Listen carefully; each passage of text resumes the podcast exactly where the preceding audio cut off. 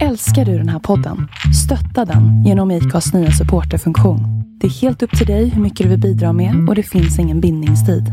Klicka på länken i poddbeskrivningen för att visa din uppskattning och stötta podden. Normally being a little extra can be a bit much, but when it comes to healthcare, it pays to be extra.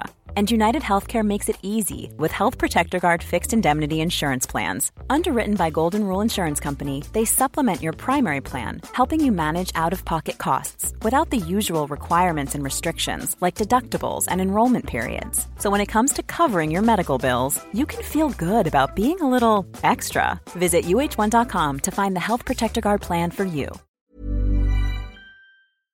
What is the source?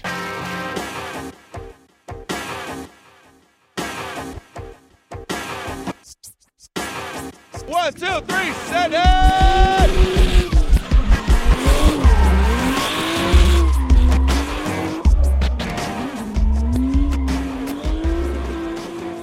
Hej och välkomna till ett nytt avsnitt av Driftpodden. Idag är det dags för en intervju som jag har sett fram emot att få göra länge och det är med Anna Nordqvist, generalsekreterare och VD för Svensk Bilsport.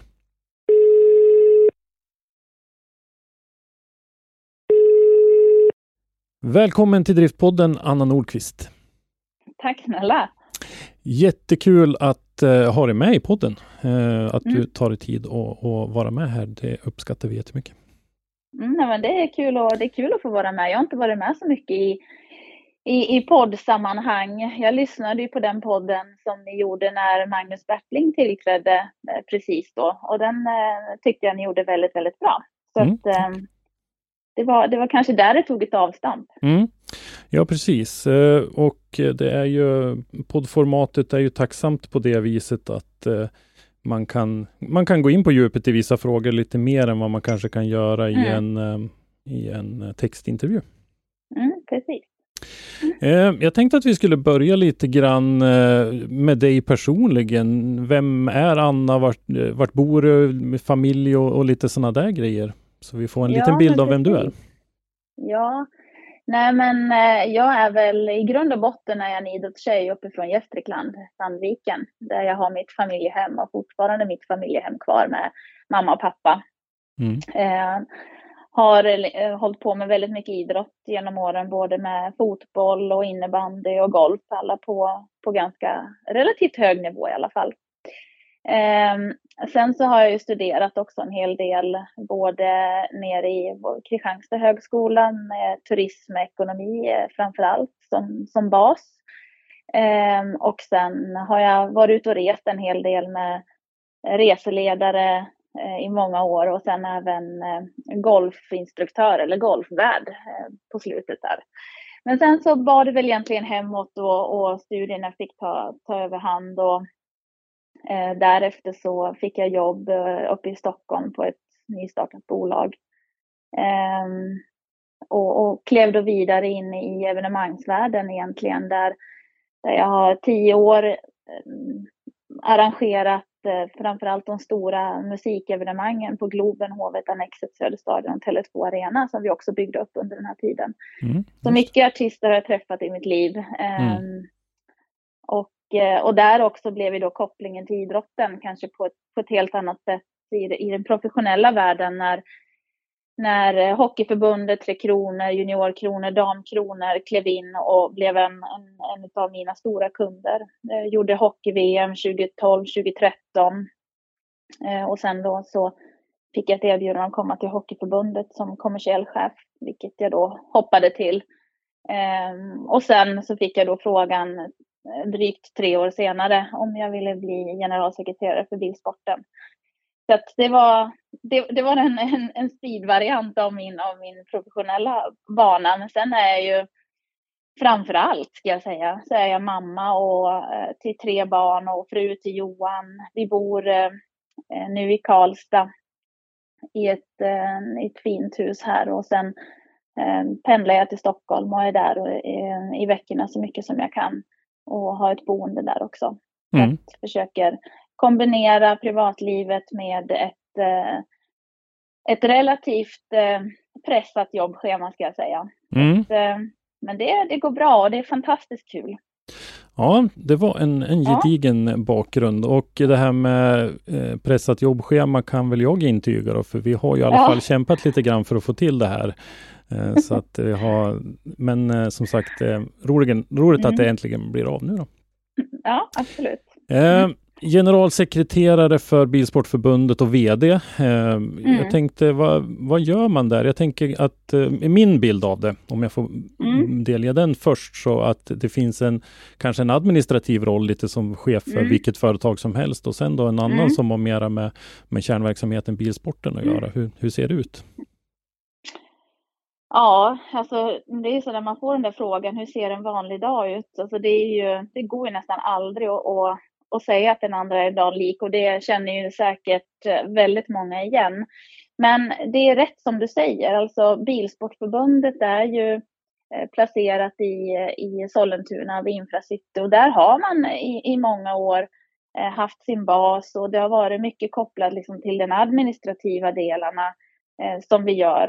Eh, vi har ju då ett fokus kring licenser inte minst. Vi har ett fokus kring de tekniska delarna inte minst. Vi har ett fokus kring klubb och förening.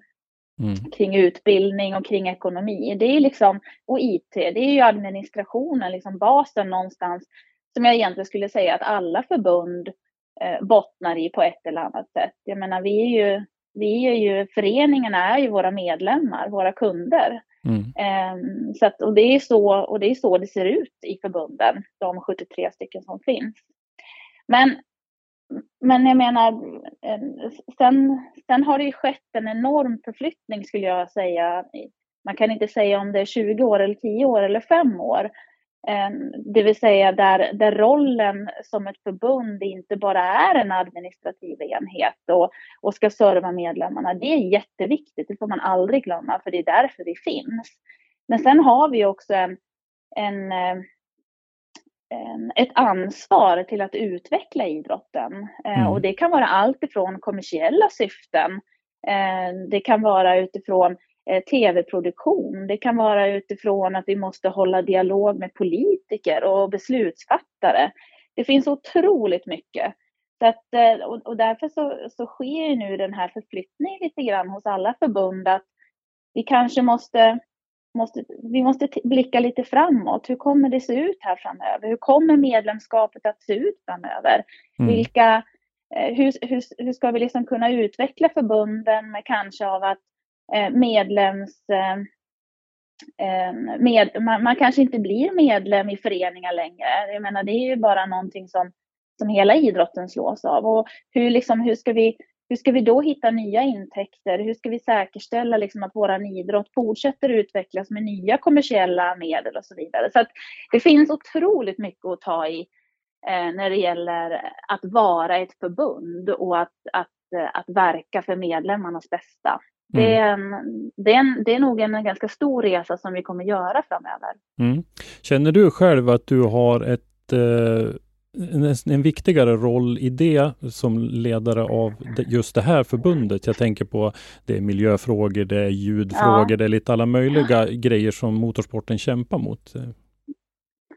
Ja, men alltså när jag kom in så styrelsen var ju ganska tydliga med, med mina tre egentligen huvuduppdrag.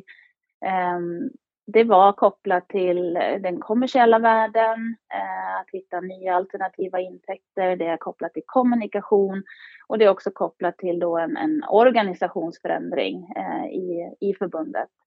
Så det var liksom de tre som, som jag blev rekryterad på. Alla känner ju till att, att jag inte blir, eller kommer ifrån sporten. Mm. Jag kommer ifrån idrotten generellt, men inte specifikt från bilsporten. Så att visst känner väl jag, jag är ingen förvaltare på det sättet, utan jag är ju någon som kan komma in och utveckla och, och bidra med lite energi till nya saker och, och driva framåt. Så att jag tror ju att jag känner kanske ett större ansvar för liksom nyutveckling och, och så. Det skulle jag säga. Mm. Mm. Ja, eh, det pågår ju en, en, del stora förändringsprojekt och som du är inne på här och jag tänkte att ja. vi kunde beröra ett par av dem som är väl väldigt olika. Men dels så är det ju mm. en, en, rent administrativ omstrukturering på gång där jag Mm. har förstått Mm. att man heltidsanställer eh, de här, eh, nu kommer jag inte ihåg, sportgrens... eh, Grenskoordinatorerna. Mm. Koordinatorer, ja precis så heter Mm. det. Eh, kan du berätta lite grann mer om det, vad det, vad det är som Ja. görs där?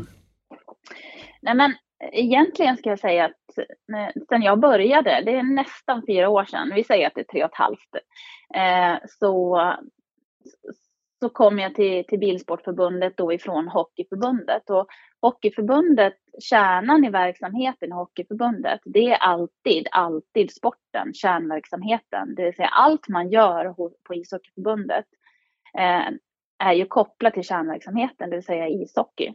Mm. Eh, oavsett om det gäller utbildningsfrågor, eller om det gäller regler, eller om det gäller liksom landslaget eller vad det är. Utan de som jobbar där, de jobbar med kärnverksamheten. Sen kan det finnas stödfunktioner i form av ekonomi, i form av kommunikation och så vidare. Men, men det finns alltid en koppling till, till sporten. Mm. Och när jag kom till Bilsportförbundet då kände jag så här, men vänta nu, här sitter vi på kontoret, 16 stycken personer eh, som, som inte är förankrade ute i rörelsen eh, eller i vår kärnverksamhet. För här sitter faktiskt 14 stycken utskott eh, på förtroende eh, uppdrag och kanske dåligt med tid till att eh, engagera sig alltid i sporten.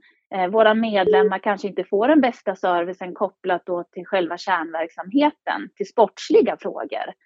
Och det där, det där gnagde i mig eh, när jag började och vi påbörjade faktiskt den här resan redan när jag började.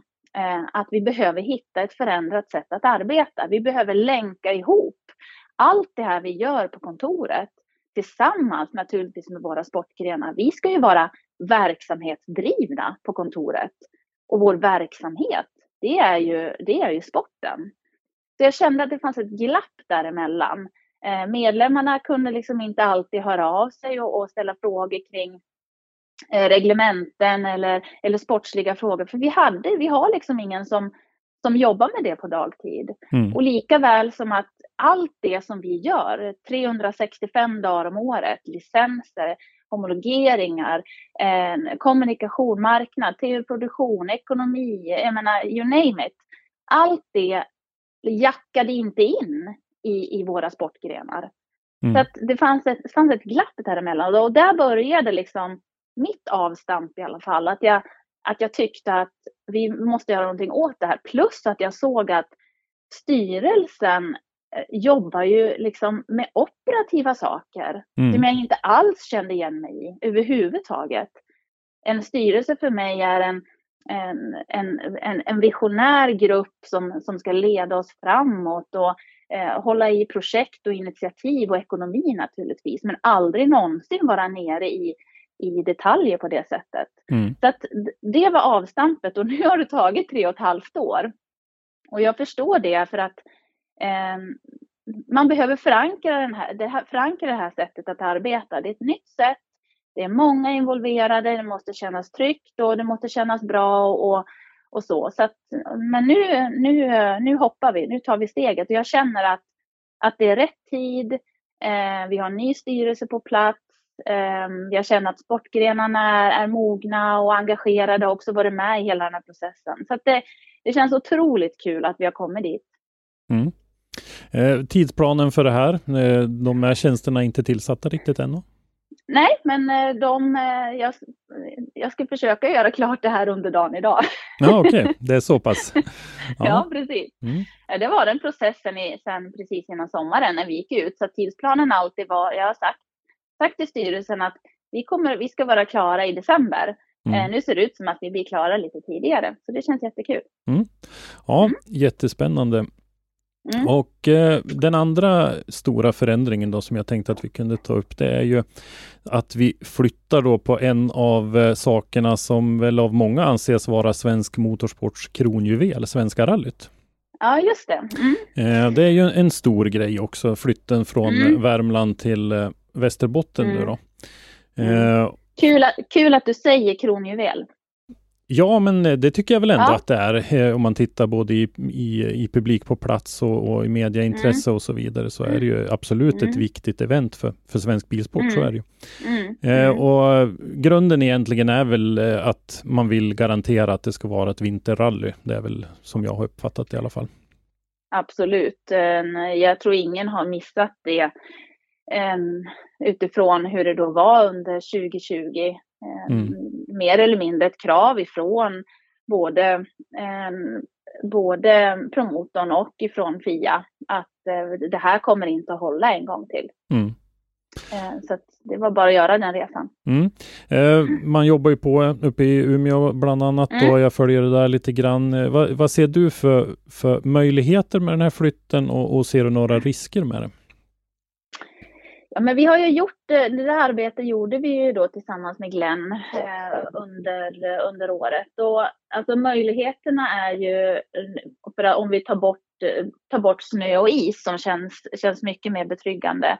Men så har ju också Umeå en, eh, en fantastisk stad och en stadsyta som är, ehm, som är till gagn för hela rallyt för att bygga den här folkfesten som vi faktiskt vill ha. Mm. Och då pratar jag närheten till serviceplats, eh, väldigt mycket hotell i, i staden.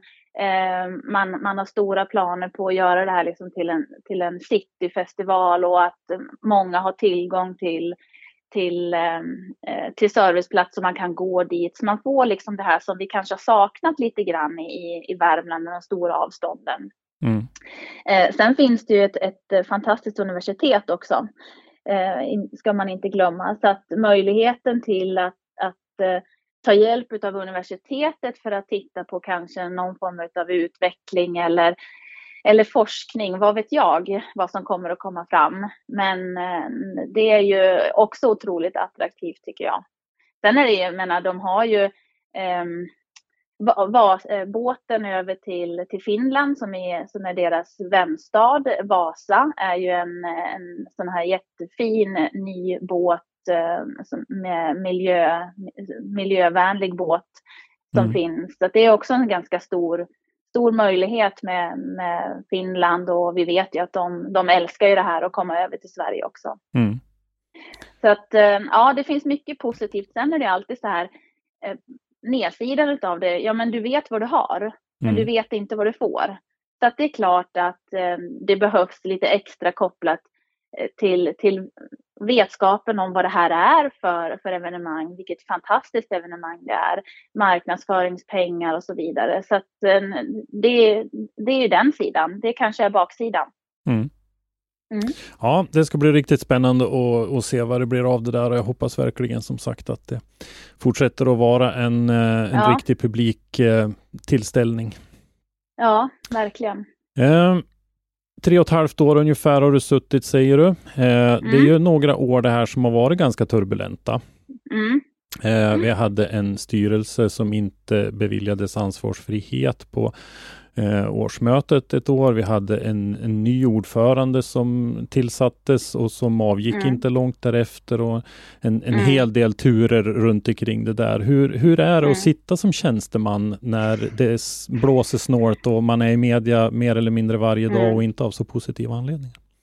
Ja, Nej, men eh, handen på hjärtat, ehm, för att vara lite ärlig, så, så tycker jag att det har varit oerhört tufft naturligtvis. Ehm, och, och, ehm, det är ju också tufft för att man tappar ju fokus på verksamhetsfrågor. Jag menar, mm. mitt ansvar är ju verksamheten. Eh, och när det blir eh, kriser eller vad man nu ska kalla det, ja men då, då, då får man ju släppa det. Man blir så illa tvungen att göra det. Sen måste man, måste man alltid minnas att vems ansvar det är och, och vem som rapporterar till vem och, och liksom försöka skilja på vissa frågor. Är det här en styrelsefråga? Är det här en generalsekreterarfråga? Så att man liksom inte mixar upp allting så att alla springer på samma saker. Mm.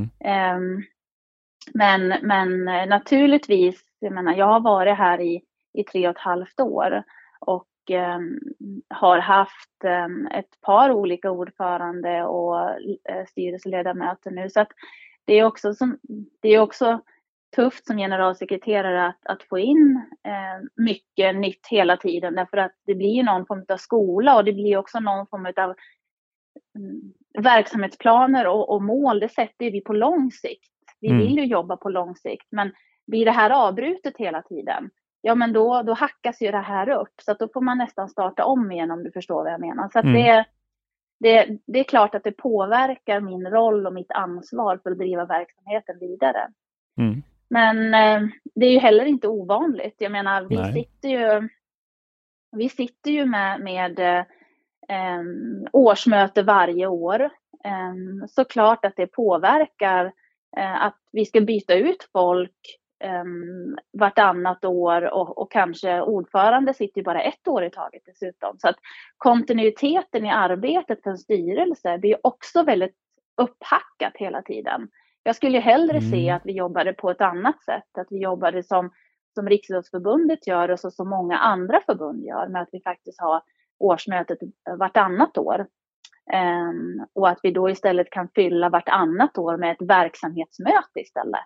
Så mm. vi inte hamnar i det här hela tiden. Jag tror att det skulle vara mycket, mycket bättre. Mm. Mm. Ja, jag kan, eh, jag kan delvis hålla med och delvis inte. Vi hade den där diskussionen i ett tidigare avsnitt här när det gäller mm. eh, sportgräns av, av eh, utskotten. Eh, att man tycker mm. att de sitter på för korta tider och jag menar på att det där är ju lite valberedningen som eh, bestämmer också vilka man nominerar och Eh, fungerar verksamheten bra så finns det absolut ingenting som hindrar att man bara väljer om samma utskott igen. Så att, men däremot fungerar det inte så, så är det ju dumt om man har ett förordnande på tre år eller fem år eller någonting. För så, mm. för så kan det också bli. Eh, men eh, hur, hur känner du att läget är nu? Känns det som de här stormvindarna har blåst över och ni har fått någon slags ja. arbetsro i, i förbundet? Ja men absolut, definitivt har vi fått det. Och jag menar den här styrelsen är ju så den är ju så ny också. Jag menar, de har ju inget, inget med det tidigare att göra. Så att det finns ingen anledning för dem att, att blicka tillbaka på det, utan nu är det full fart framåt för den här styrelsen. Så mm. det känns jätte, jättekul och det märks också. Eh, både liksom kopplat till verksamheten och delegeringar och, och ja, men de förflyttningar vi gjort också i ansvarsområden kopplat då till både utskott och till mig och till eh, och, och vad styrelsen faktiskt ska hålla på med. Så att, absolut. Mm. Eh, mm. känns det som eh, ni är ganska befriade nu ifrån eh, gamla lojaliteter och, och, sånt där så att man inte känner av det så mycket. Det kan ju vara både vänskapslojaliteter, sportgränslojaliteter och, och geografiska ja. lojaliteter och sådär. Mm. Ja, men det där är alltid svårt i idrotten. För att, mm. um, du, idrotten bygger ju på, på, på förtroendeorganisationer i, i mångt och mycket. Jag menar tjänstemannaorganisationen är ju liten förhållande till, till förtroendeorganisationen. Så mm. det är klart att, och när det är hjärtat som gör att man eh, är tillsatt också, en, passionen för sporten och liksom engagemanget, så, så är det klart att, att kontaktytor eh, och kontakter kommer att komma in. Mm. Men men det är det här som vi försöker jobba med eh, och är också en del i den här sportgrenskoordinatorns eh, uppgift. Att eh, relationer och känslor måste vi komma bort ifrån så mycket som vi bara kan när det gäller att fatta beslut i utskott eller vid andra viktiga frågor. Eh, utan här, här måste man liksom jobba professionellt och sätta på sig hatten. Vad är bäst för sporten? Punkt slut. Mm. Eh, så jag, jag, och det där är, det är inte lätt därför att det, man, man känner så mycket folk och liksom man, man tar in känslor fast man kanske liksom inte riktigt är medveten om det. Så att det finns inget rätt eller fel i det här utan det är bara att vi behöver fortsätta jobba på, på, um, på, på att, att alltid liksom jobba för det bästa för sporten mm. hela tiden. Och där kommer sportgrenskoordinatorn in som kan filtrera i det här mm. eh, på ett annat sätt. För här blir det en tjänsteperson som, som bara ska fokusera på det professionella och, och eh, göra det som är, som är bäst för, för, för sporten framåt. Mm. Eh, det är ju valberedningen då som, som styr mycket av det här. Eh, både vad det gäller eh, styrelsen då som har varit i, i, stort fokus, men även när det gäller sportgränsutskotten. Då. Är det rimligt att ett, en så liten grupp människor eh, kan hålla koll på det, det är mer en filosofisk fråga. Är det, eller lägger man ett för stort ansvar på en liten grupp människor? Ja, men alltså i, när det gäller att, att för, styr, för styrelsens del tror jag att det ska vara så. Det är valberedningen som, som ska bottna i eh, förslag till hur styrelsen ska se ut. Mm. Vad gällande sportgränsutskotten, kommittéer och arbetsgrupper eh, så, så har det varit en resa här under året och, och mycket lärdomar finns naturligtvis. Eh, valberedningens uppdrag är ju att sondera, eh, att eh, föra intervjuer, att eh, lyssna in och sen då också utifrån de förslag som kommer in förbereda ett förslag för styrelsen att, att, eh, att fastställa. Mm. Ehm,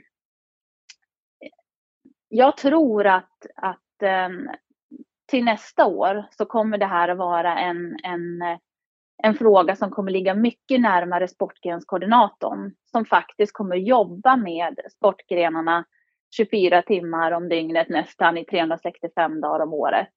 Så att den personen som kommer att känna det här, känna hur organisationen fungerar, eh, inte bara liksom i gruppen, utskottet, utan generellt. Vilka frågor behöver vi driva i, i sporten och i sportgrenen? Mm. Det kommer ju den här personen att ha absolut bäst koll på. Ja. Eh, nu ligger ju det här i stadgarna utifrån det arbetssättet som jag beskrev innan. Det ligger ju där idag. Så att ska vi förändra det här så behöver vi också förändra våra stadgar och hitta ett annat sätt att arbeta med det. Men, mm. men jag tror som sagt att um, vi, vi, vi ska försöka förändra det på ett, ett sätt till det bättre och det säger jag här nu utan att det är förankrat i styrelsen framöver, för det behöver vi naturligtvis landa i. Mm. Men, uh, men det tror jag är bra. Ja, nej men eh, tack för ett bra svar på en dåligt ställd fråga. Du svarade på det jag inte frågade om, men som jag verkligen undrade över. Därför att eh, eh, det, det jag ville komma till var just där, är det rimligt att man eh, som eh, valberedning håller reda på vilka som är lämpade mm. för vissa uppdrag och sådär. Men, mm. men absolut, som du säger så kan ju eh, sportgränskoordinatorn då komma att vara den länken, även om det formellt mm. står kvar i mm. valberedningens ansvar så kan mm. sportgränskoordinatorn då bli en länk däremellan.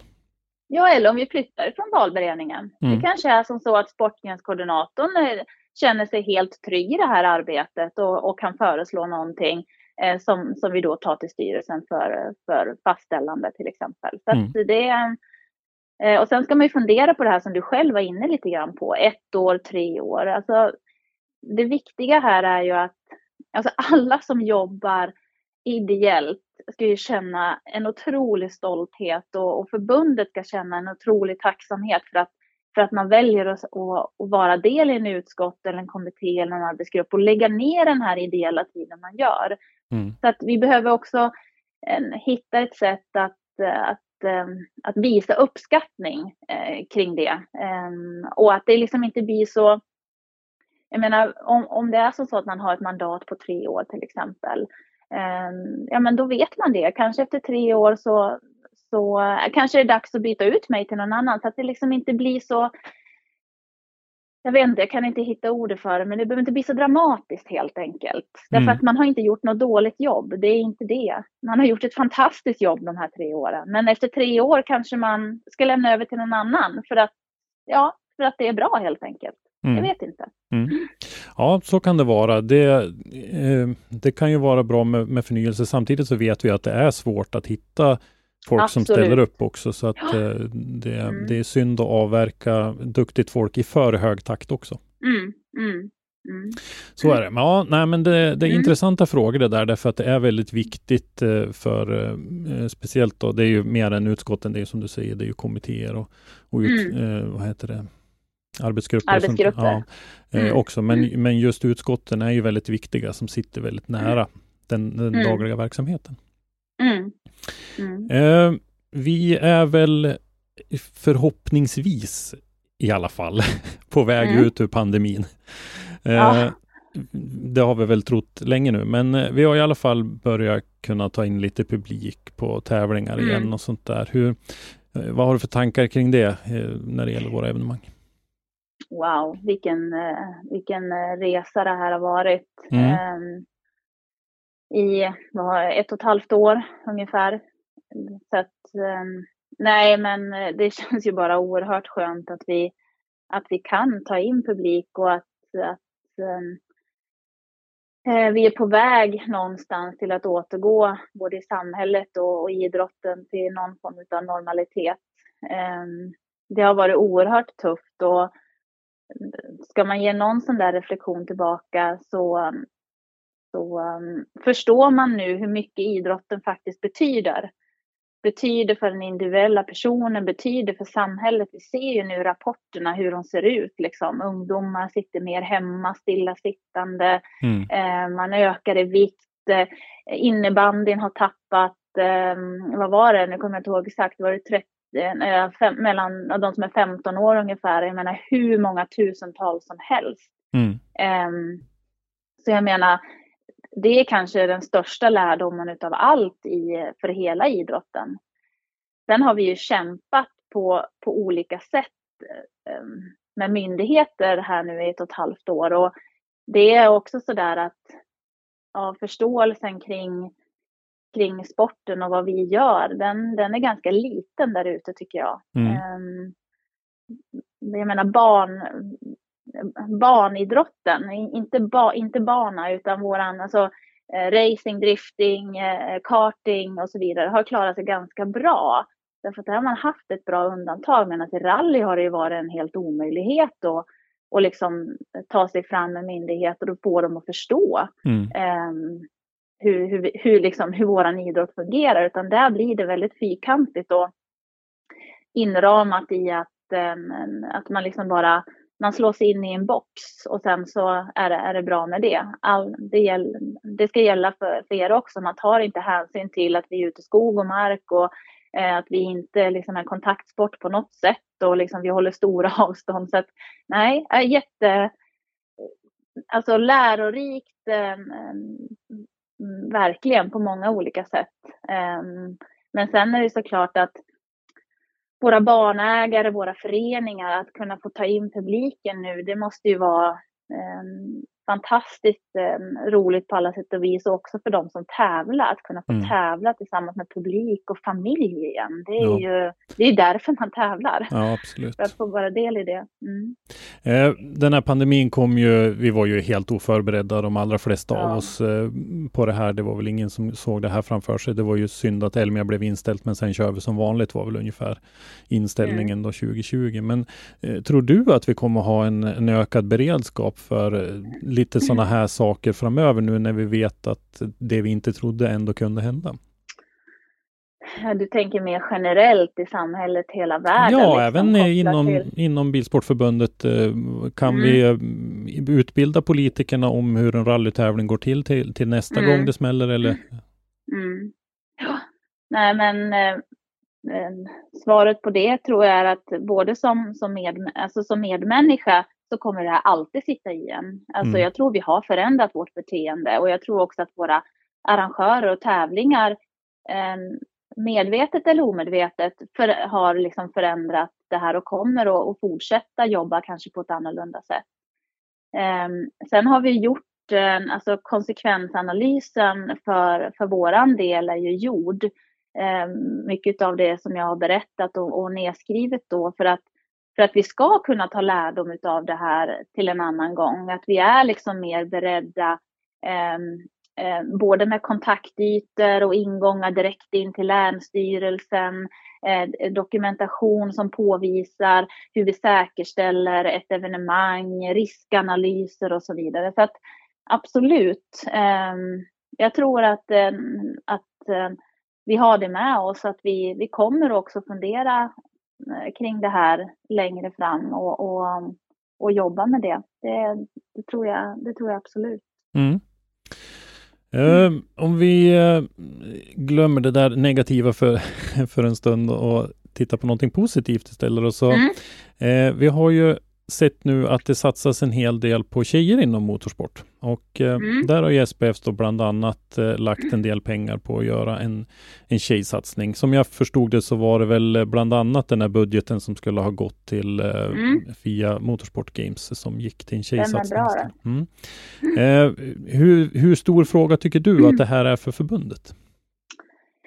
Um, ja, bra fråga. Nej, men, eh, det är klart att vi vill ha in fler tjejer i motorsporten. Um, och det vill ju vårt internationella förbund också. Mm. Um, så att um, samtidigt så får det liksom inte ta över handen på något sätt utan vi tror ju att vi behöver tillsätta lite resurser både från pengar och, och personal för att informera och utbilda och inspirera tjejer. Eh, och där har vi liksom ett par projekt. Vi har ju det som du nämnde. Eh, sen har vi också tjejläger som vi har haft i, i, i flera år eh, med också inspirationsföreläsningar och prova på-aktiviteter. Och sen har vi haft de senaste åren då också de som är kopplat då direkt till FIA med Girls on Track och FIA Rising Star. Eh, och jag själv sitter i, i Women in Motorsport-kommissionen där vi jobbar med, med olika delar för att eh, lyfta in tjejer eh, i sporten, men också lyfta in tjejer på, på andra positioner, funktionärssidan, mm. i ledarpositioner. Det behöver inte bara vara förare, utan det, det finns så mycket, mycket mer, därför att det finns så mycket lärdom i, i idrotten att, att ta vid. Och jag pratar om det, liksom det samhällsmässiga och liksom att vara en del i gemenskap. Att, att idrotten bidrar till samhället på så ofantligt bra sätt eh, i, i folkhälsa och liksom i, i, eh, i utbildning kring att vara ett lag och ja, men massa olika saker. Så att jag tror att ehm, jag vet inte, nu kom jag bort från frågan lite grann som du ställde där, men, men eh, det, det, är viktigt att vi kan visa för tjejer vad, vad det här, ehm, vad bilsporten är och vad det faktiskt ger med sig. Mm. Um, sen får det absolut inte ta över handen på något sätt, utan det ska ju liksom vara, det ska vara en del i, i, i våran värld. Mm. Mm. Ja, det är ju högaktuellt som sagt. Fia har ju sina satsningar och har ju kört mm. den här, det var väl den här Girls on Track som gick Eh, mm. nu när Milla Sjöstrand gick vidare till den här Precis. sista uttagningen i eh, mm. karting, håller hon på med. Mm. Mm. Ja, vi, eh, men intressant också att du nämner att det inte bara gäller förare. Vi har ju haft en i driftingutskottet en kvinnlig ordförande nu ja. ett år. Vi har varit på en del tävlingar där vi har haft kvinnliga tävlingsledare och sådär. Så det mm. finns ju tjejer där ute och jag hoppas som mm. sagt att vi får möjlighet att se fler. För att eh, jag tycker nog att den eh, variationen i att tänka manligt och kvinnligt, man får väl inte säga så, men, men det finns ändå ett sätt att tänka som, man, som skiljer sig lite grann och man bör fånga upp båda sidorna. Faktiskt. Absolut. Absolut. Så är det. Eh, mm. Du kom in själv lite grann på det här med internationellt. Eh, ja. Att du bland annat då sitter i eh, några kommittéer där i, i FIA. Mm. Eh, vilka mer än, än Women in Motorsport? Nej, men sen har jag ju ett uppdrag inom e-sporten. Vi har nu, nu bytt namn också. Det beslutade vi på, på föregående kommissionsmöte. Um, så jag är en ordförande i, i um, digitala, FIAs digitala motorsportkommission, då, det som numera heter e-sportkommission. Mm. Eh, och där har jag suttit i snart ett år. Eh, inte riktigt, jag blev tillsatt i december förra året. Eller ja, i december förra året ja. Eh, så att det är ju, ja, men det är ju superspännande och med det också att man sitter som ordförande i kommission så får man också vara delaktig i, i styrelsemöten i FIA och sitta med, sitta med där. Så man får ju få en mycket bredare bild också vad, eh, vad FIA gör för någonting. Mm. Så det är roligt. Ja, mm. Även där då kanske det gäller att hitta en balans mellan, vi pratade mm. om det här med att vara till för sina medlemmar och att vända mm. sig ut i världen. Det är ju lite grann som mm. drar åt lite olika håll där, att, att hitta en balans. Du känner att du har den balansen i, i det du gör? Ja, men alltså det är, super, det är superviktigt som du säger. Men, men då ska jag säga att jag lägger nog eh, 80 procent åtminstone på den nationella sporten eh, och sen eh, kanske det blir 20 procent på, på internationella uppdrag.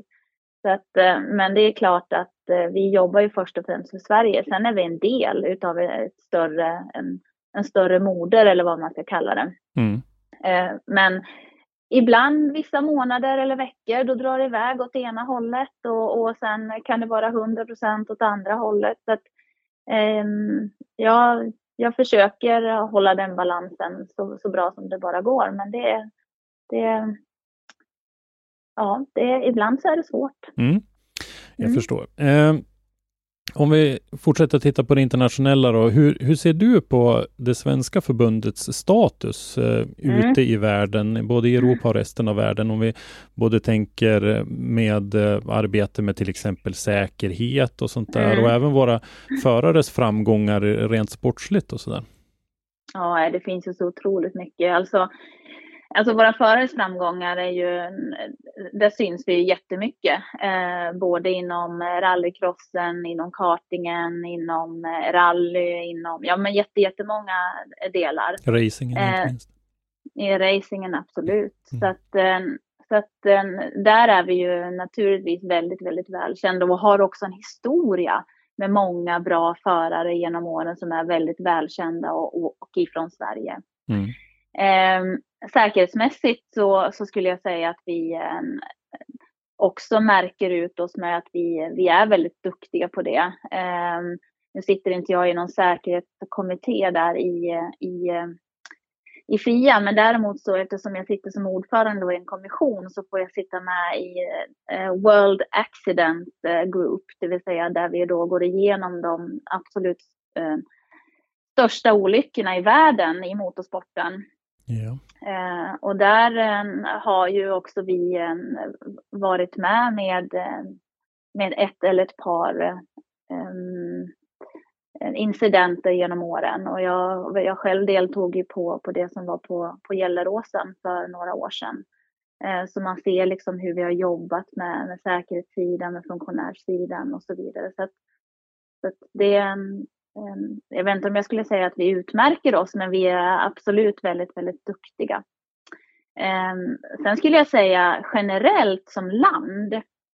Jag menar, vi har VM-rally, vi har eh, karting-VM eller EM, beror lite på. Ehm, vi har rallycross-VM, vi har dragracing-EM gånger två. Alla de här evenemangen återkommande. Det är få länder som, som, eh, som har möjligheten att ta emot så här många stora evenemang på ett år. Så där är vi också ganska ut, utmärkande. Um, sen, sen, så deltog jag på en, en konferens i, i Dublin här förra helgen.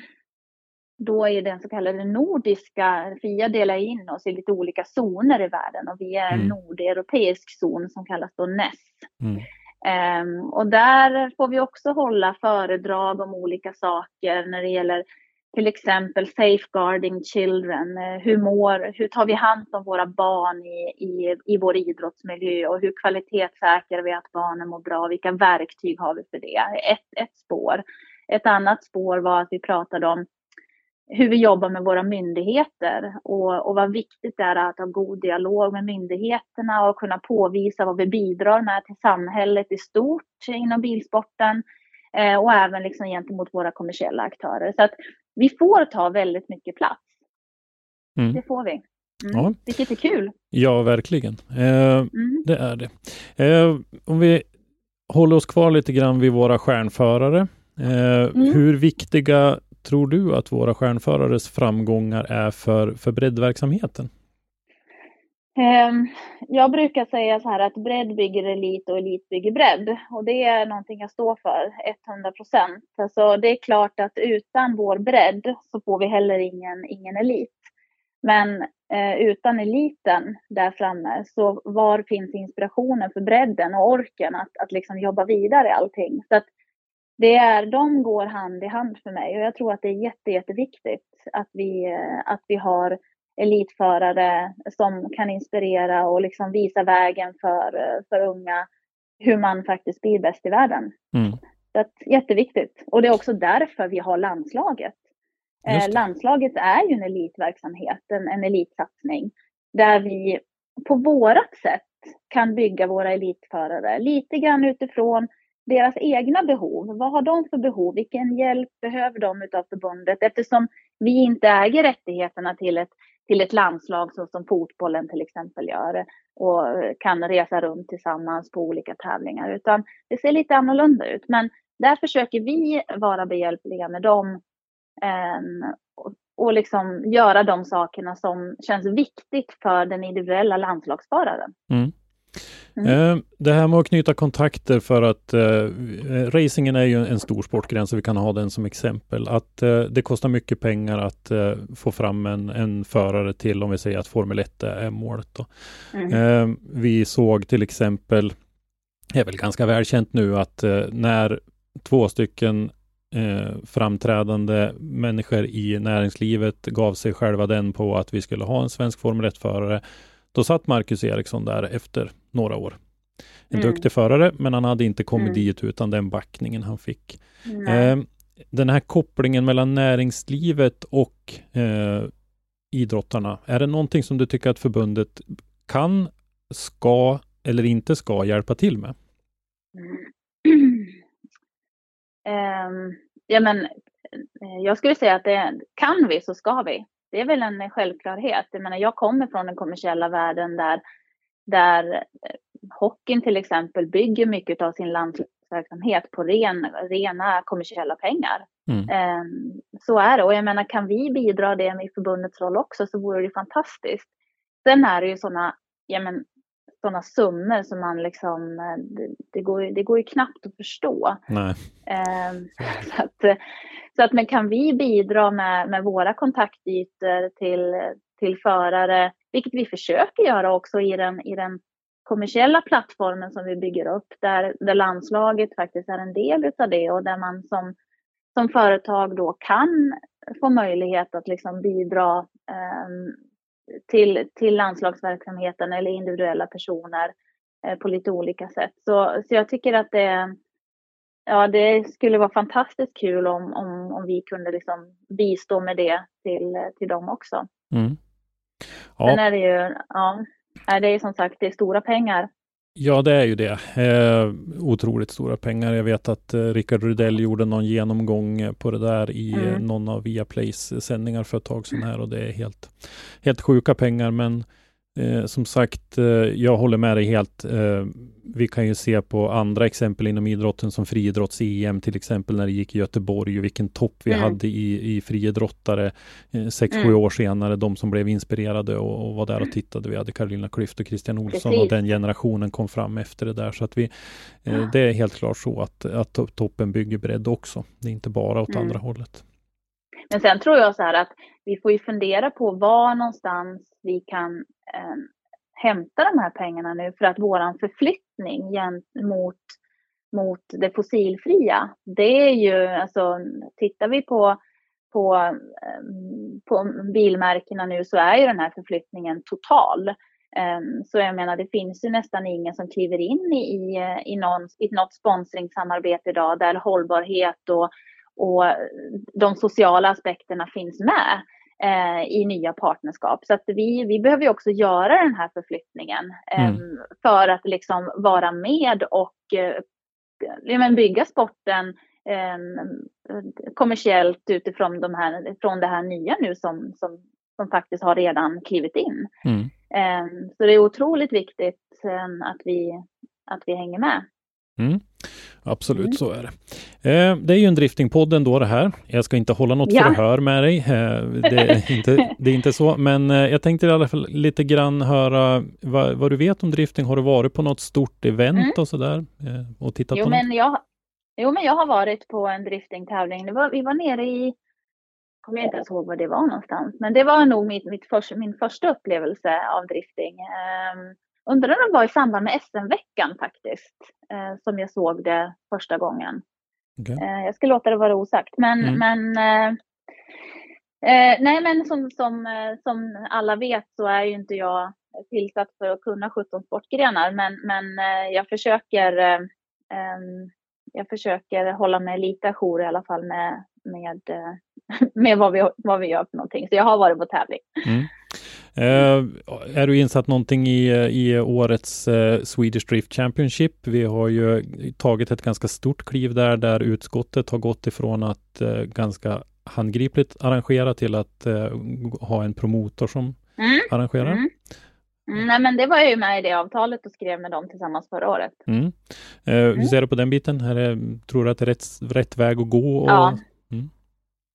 Nej men det tror jag. Eh, nu får vi se då vad som, vad som händer framöver, så jag ska inte föregå någonting. Men, men eh, vi jobbar ju på det sättet, eh, både med racingen och med rally.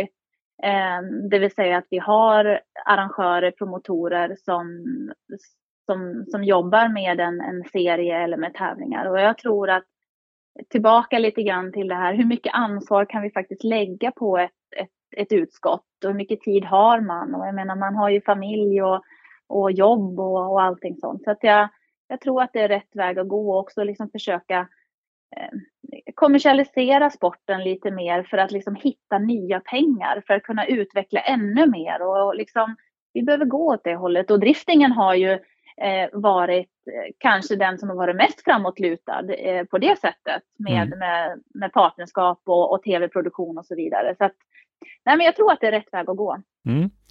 Ja, där mm. får jag faktiskt, eh, där hade jag ju förmånen att få vara med lite grann från början de första åren vi sände mm. STC så var jag ju med när Driftzone hade, hade hand om mm. det. Uh, nu vart det en annan budget och ett annat uh, bolag som tog stora steg framåt det här året tycker mm. jag. Så att det har varit en, mm. en fantastisk säsong på alla sätt. Mm, kul. Uh, du pratade lite grann om NES, Fias Northern European Zone eller vad det betyder. NES Drift yes. är ju en serie Eh, yes.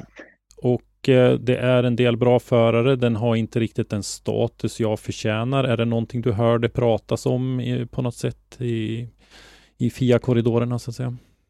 Nej, det har jag inte hört. Berätta, vad, vad, Nej, vad, vad, säger man? Nej, men eh, det har varit en otrolig övervikt av förare från forna öststaterna så att säga. Så att den, den får liksom inget grepp. Den, eh, blir det inte ett Europamästerskap på det sättet som man kanske skulle vilja att det är. För att jag tycker mm. att eh, jag är ju en sån här förbundsmänniska. Jag har ju också faktiskt en bakgrund inom, inom ishockeyn. Eh, mm. Varit hockeydomare i många år. Eh, Thomas mm. Torsbrink till exempel som är domarboss ja. nu har, han har jag dömt åtskilliga matcher med.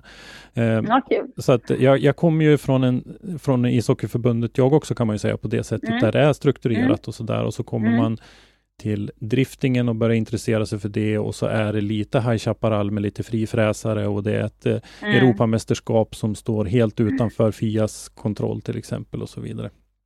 Att man skulle mm. vilja att statusen höjdes på mm. NES Drift och att den blev som ett Europamästerskap istället. Mm. Mm. Det...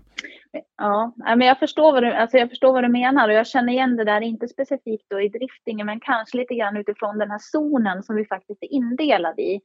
Alltså, det blir lite för, um, vi blir lite för stora uh, och uh, menar de, de länder som då Estland, Lettland, Litauen och så vidare, de, de kör väldigt få nationella mästerskap, utan de kör väldigt mycket tillsammans, vilket mm. gör att de använder det här näst då eh, inom sin, och då blir det väldigt kopplat liksom eh, dit. Mm. Så att jag hör det också ifrån andra sportgrenar som också har, har näst eh, eh, i form av racing, rally och rallycrossen bland annat. Då. Så att, ja, det, vi får fundera på det där för att eh, Ehm, det behöver ju vara starka tävlingar och starka varumärken som, som driver det för att det ska vara intressant. Ja, så är det. Och jag, som sagt, jag, jag är av den åsikten att det är förbunden som ska styra över det där så att man mm. vet att det är ordning och reda i, eh, i upp och nedflyttningar och klassificeringar och, och annat. Mm.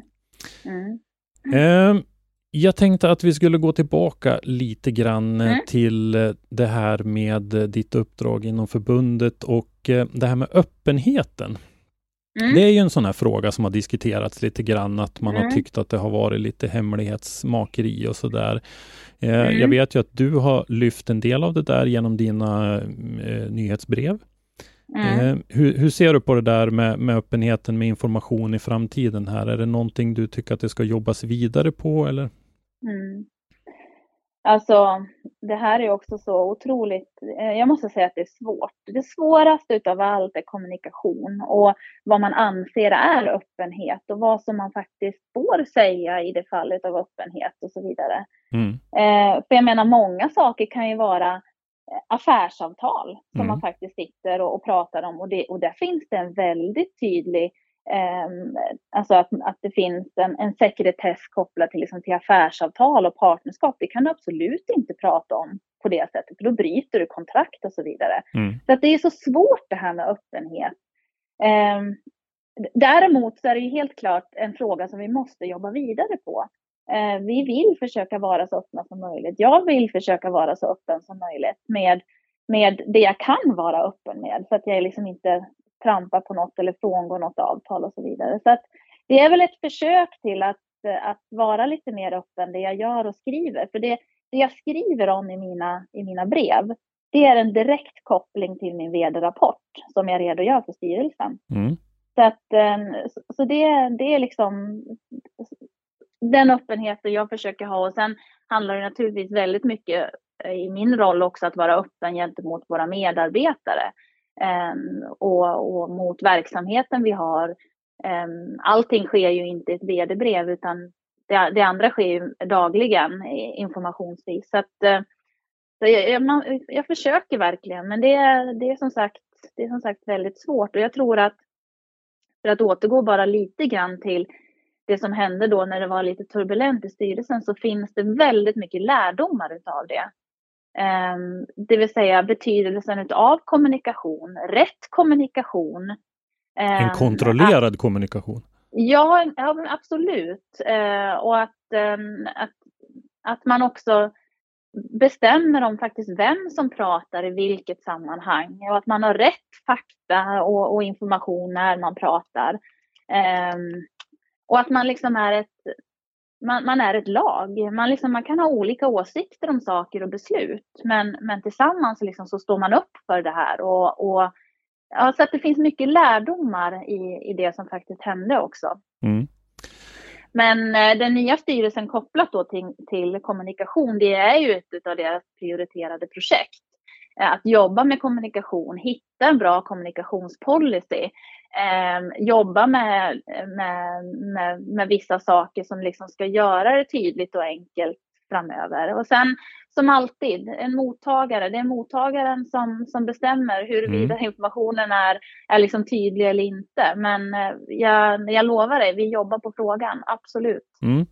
Eh, jag tänker mig att man eh, i eh, till exempel styrelseprotokoll och sånt där skulle man kunna jobba lite grann med i de fall det är mm. affärsgrejer som du säger, att mm. man är lite fylligare i texten och skriver att på grund av sekretess så kan vi inte, mm. eh, till exempel. Och mm. lite grann, eh, det, det, är så otroligt mycket kortfattade noteringar, om vi, för vi läser ju mm. ganska mycket protokoll för att, mm. hänga med i vad som händer, både ja, vårt utskott och ja. styrelsen och disciplinnämnd och gud vet allt vad det är för att, för att hänga hänga med. Liksom, att det, det mm. kan stå väldigt kort bara att eh, skrivelse har avhandlats. Punkt. Ja, jag mm. förstår. Ja, men, eh, det är bra tips och jag menar eh, en av de viktigaste sakerna tycker jag det är att alltså, ställ frågan.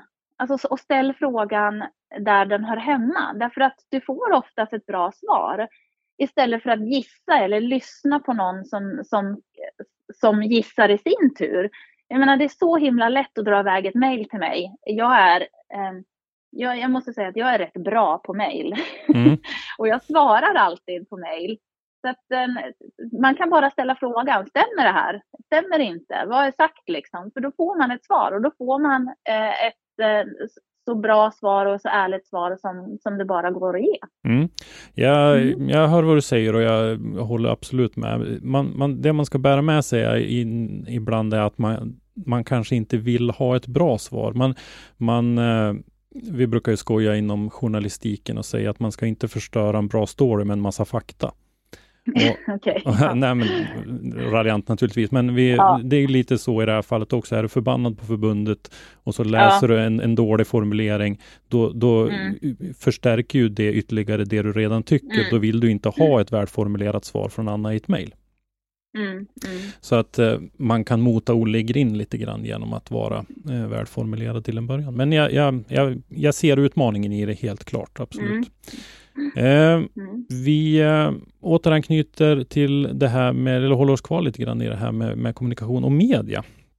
Mm. Eh, vi pratade lite grann om Svenska rallyt för en stund sedan här. Och, eh, arbetet med att få in mer motorsport än bara Svenska rallyt i, i mediafinrummet inom citattecken då, där vi har fotboll och vi har eh, det är ju världens happening nu när eh, det här Vinterstudion byter till eh, mm. Viaplays eh, mm. sfär och, och det här. Eh, mm. hur, hur, arbetar vi för att få in mer motorsport i, i finrummet? Så att säga? Eh, dels så pågår ett, ett väldigt proaktivt arbete från eh, vårt kontor eh, med eh, de stora medierna och framför allt då kopplat till Sveriges Television där vi har väldigt bra ingångar. Eh, vi jobbar ju som så att vi, vi producerar ju faktiskt material för Sveriges Television att plocka in. Ehm, så att det ska bli enkelt för dem också. För det där, eh, eh det, det, det finns mycket att välja på så att eh, man, eh, vi behöver göra jobbet själva i, inom motorsporten och det gör vi. Så att det är ett, ett hårt, tufft arbete. Jag pratade med Sören bara häromdagen där han sa att nu har jag lagt till det här och nu har jag skickat det till SVT för, för att de ska kunna lägga upp det. Mm. Så att det är det ena sättet. Det andra sättet är ju också att eh, fortsätta bygga på, på tv-produktion själva inom förbundet.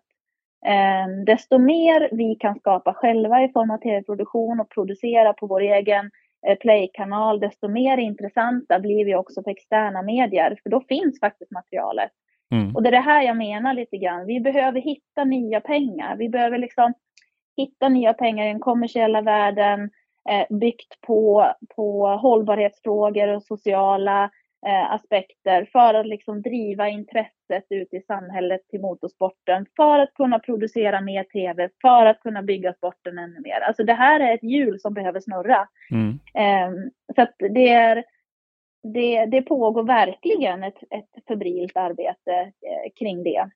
Mm. Eh, men vi behöver ta ansvar själv. Vi kan mm. inte förlita oss på att andra gör jobbet, utan vi behöver göra det själva. Mm. Eh, intressant att du nämner Play-kanalen där. Den upplevs ju av många som lite föråldrad och sådär. Det har varit mm. ett visst motstånd att komma in på andra plattformar där och väl tycker jag väl att driftingen har jobbat på väldigt bra för att vara för, gångare liksom med sändningar på Facebook och så vidare. Hur ser du på den biten och vara där, där folket är så att säga? Jo, nej, men det där är en fråga vi, vi, vi behöver prata mer om. Um, alltså, det är klart vi behöver vara där folket är och samtidigt så kan vi inte vara spretiga. Vi kan nej. liksom inte ha 72 olika platser där vi är på, utan vi behöver, vi behöver samla allting. Sen behöver vi hitta modellen för att, att, eh, Eh, de, de som nu använder Facebook, eh, Facebook eller Youtube, att, att vi liksom möter dem där också. Um, så att um, all, all sån här input är superbra att få. Um, du säger att den är föråldrad, ja men då behöver vi titta på hur gör vi den lite bättre då så att den kan bli ännu mer attraktiv och hur kan vi jobba tillsammans med den och Facebook och sociala medier och, och Youtube och så vidare. Så att det där är en pågående det öppen dialog som vi gärna tar input kring. Mm. Ja, mm. för det är ju helt klart är det ju så att det är en viktig fråga att nå ut eh, mediamässigt mm. och nå ut till folk där folket är så att säga för att mm. sprida mm. det här vidare. Mm, absolut. Eh, ja, eh, det var väl egentligen det jag hade tänkt att vi skulle prata om och jag vill väl egentligen avsluta med att höra om du har någonting som du tycker att du inte har fått framföra under den här lite dryga timmen nu. Har vi suttit en timme? Ja, Åh herregud faktiskt. vad fort det går. Ja, Men det jag, jag, säger till dig som jag eh, sa till dig förut, du är väldigt duktig på att ställa frågor och du är liksom ja, eh, men du är också bra på att glida över till nya ämnen fast ändå liksom hänga kvar och en smidig övergång. Så att, eh, men det är väldigt trevligt att prata med dig, verkligen. Tack. Ja. Eh, Nej, men alltså jag tror så här att vi, eh, det, det var ett jättebra samtal. Det vi, eh, de, de viktiga projekten framöver här kommer ju vara det som du själv har berört. Det är liksom kopplat till kommunikation, eh, tillit och öppenhet som jag vet är ett prioriterat projekt, projekt i styrelsen. Vi pratar om fossilfri bilsport, både kopplat till elektrifiering och, och, nya bränslen. Det kommer också vara jätteviktigt. Jag tycker det är värt att nämna. Mm. Eh, och sen då naturligtvis eh, kopplat till supporter, driva intresse, det som vi pratade om senast, att kunna vara där, där vi har liksom våra medlemmar och våra intresserade, vilka plattformar och tv-kanaler och så vidare. Det, det, det är tre viktiga delar vi behöver jobba med framöver. Mm. Mm. Ja, jag ser att du har eh, spännande år även framför dig. Jag hoppas du får eh, fortsätta och, och, driva igenom eh, alla de här förändringarna som ni har börjat på. Och eh, att Mm. det blir lyckat. Sedan Ja. så hoppas jag att vi ses någonting framöver på Ja. någon eh, arena fram eh, ute här. Nu jobbar jag ju mycket med Motorsportmagasinet och då är det ju egentligen Mm. alla SPFs sportgrenar så att eh, det, kan, Mm. det kan nog bli lite var som helst, inte bara en driftingtävling. Och inför att inte, jag menar, vi har, kanske har en gala framöver här också i januari. Just det, det också. Mm. Ja, tack så jättemycket Anna Nordqvist för att du tog Tack dig tid mycket. att vara med i Driftpodden. Absolut. Tack, tack. Tack för att du har lyssnat. Lyssna gärna på våra tidigare avsnitt och glöm inte att ge oss betyg i din podcastapp. Har du ett ämne eller en gäst som du vill att vi tar med i Driftpodden så skicka oss ett meddelande på Driftpoddens eller Motorsportmagasinets sociala medier eller skicka ett mejl till oss på driftpodden gmail.com. I dagens avsnitt har du hört Anna Nordqvist, Svenska Bilsportförbundet och Christer Hägglund. Ljudpåläggning och slutmix Robban Strandberg. Driftpodden produceras i samarbete med Motorsportmagasinet och Powerslide Media AB och produktionsåret var 2021.